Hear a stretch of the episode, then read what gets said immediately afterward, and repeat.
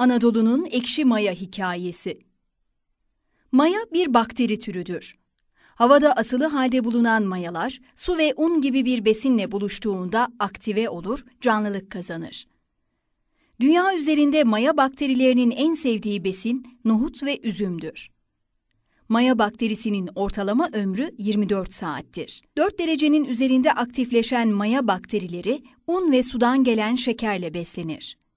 Beslenen mayalar hamurun kabarmasını sağlarken aynı zamanda hamura farklı aromalar katar.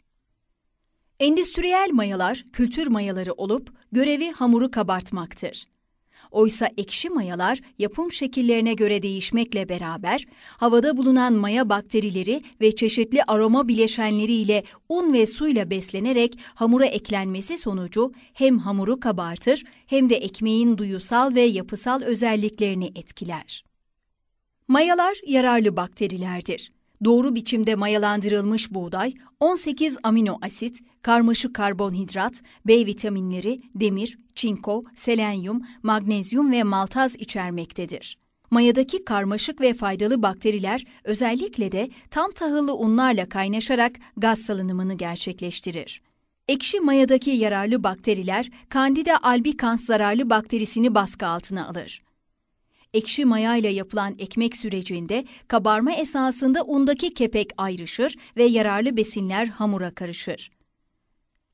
Özellikle kepekte yoğunlaşmış olan minerallerin insan vücudunda emilebilmesi için pitin asitinin %90 oranında nötralize olması gereklidir.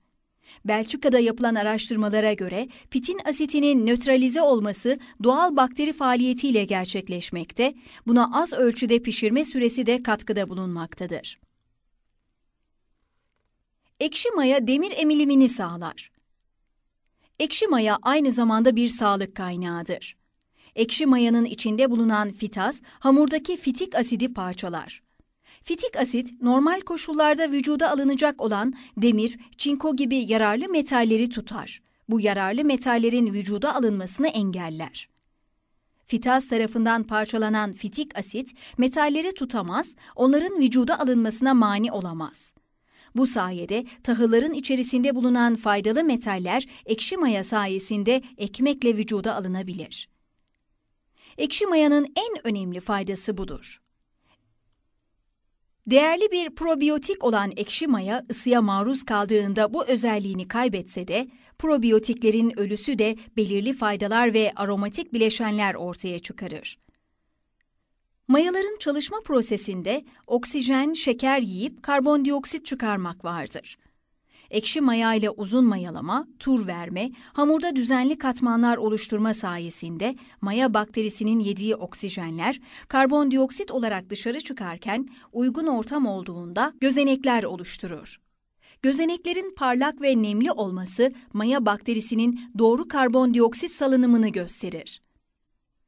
Buğday tanesinin nişasta içeren özünde gluten üreten proteinler vardır hızla üreyen bir mantar olan maya bakterisi şekerle karşılaşınca karbondioksit ve alkol üretir. Yoğrulan hamurda bu iki madde birleşince glutenin elastik yapısı içerisinde sıkışıp kalan gaz kabarcıkları süngerimsi bir yapı ortaya çıkarır.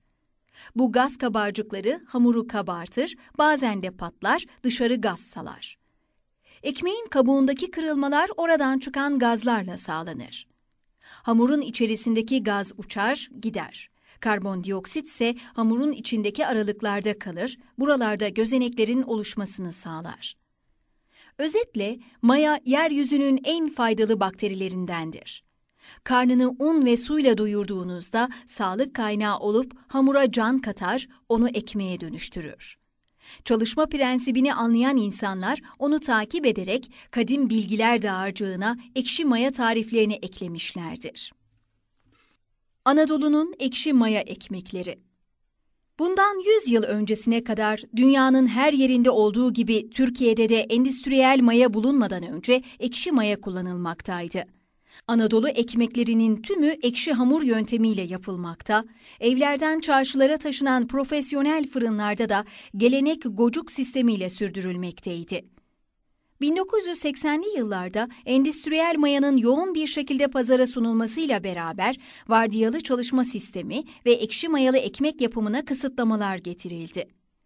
Söz konusu kısıtlamalar ekşi mayalı ekmek yapma geleneğini sekteye uğratmıştır. Son yıllarda artizan ekmekçiliğin yükselişe geçmesiyle ekşi maya geleneği yeniden gündeme gelmiştir. En çok bilinen ekşi mayalardan bir kısmını sıralamak istersek. Vakfı Kebir ekşi mayası. En çok bilinen ekşi maya, Vakfı Kebir ekmeği için kullanılan, ekmeğin ayrıştırıcı özelliğinin en temel unsuru olan Vakfı Kebir ekşi mayasıdır. Muhtemeldir ki zengin bir maya rezervi olan Karadeniz yaylaları ilk ekşi mayanın oluşumunda etkili olmuştur. Vakfı Kebir ekşi mayasıyla yapılan ekmekler nemli bir yapıda olup uzun süre bayatlamaz. Tadında bahar ve çimensi aromalar taşımaktadır. Yoğurt mayalı köy ekmekleri Yoğurt mayası ekşi mayalar içerisinde en kolay yapılanıdır. Yoğurdun içerisinde hazır halde bulunan aktif haldeki mayalar çoğaltılır ve kullanılır. Yoğurdun yeşil suyu yani şerat alınır, un eklenir, yoğun çorba kıvamında olan karışım iki gün içerisinde hazır olur. Günlük besleme ile yoğurt ekşi mayası da istenildiği kadar yaşatılabilir. Yoğurt ekşi mayası genelde uzun süre yaşatılmaz. Ekmek yapılacağı günden iki gün önce hazırlanır. Her ekmek yapımında tekrarlanır. Trabzon'da yapılan yoğurt ekşi mayalı köy ekmeği için yoğrulan hamur çok cıvıktır. Rize ayran mayası Yaylalarda ekşi yayık ayranı yapılır. Ayran ekşidiğinde üzerine yeşil bir su çıkar. O su alınır, un katılarak sert bir hamur elde edilir. Yaklaşık 10 saat içerisinde bu hamurla istenilen ekmek yoğrulabilir. Ekmeği biraz ekşimsi ve mayhoş olur. Pileki ekmeğinde, fırın ekmeğinde bolca kullanılır. Trabzon zembek mayası Peynir ve çökeleğe alınan peynir suyuna un katılarak sıkı bir hamur elde edilir.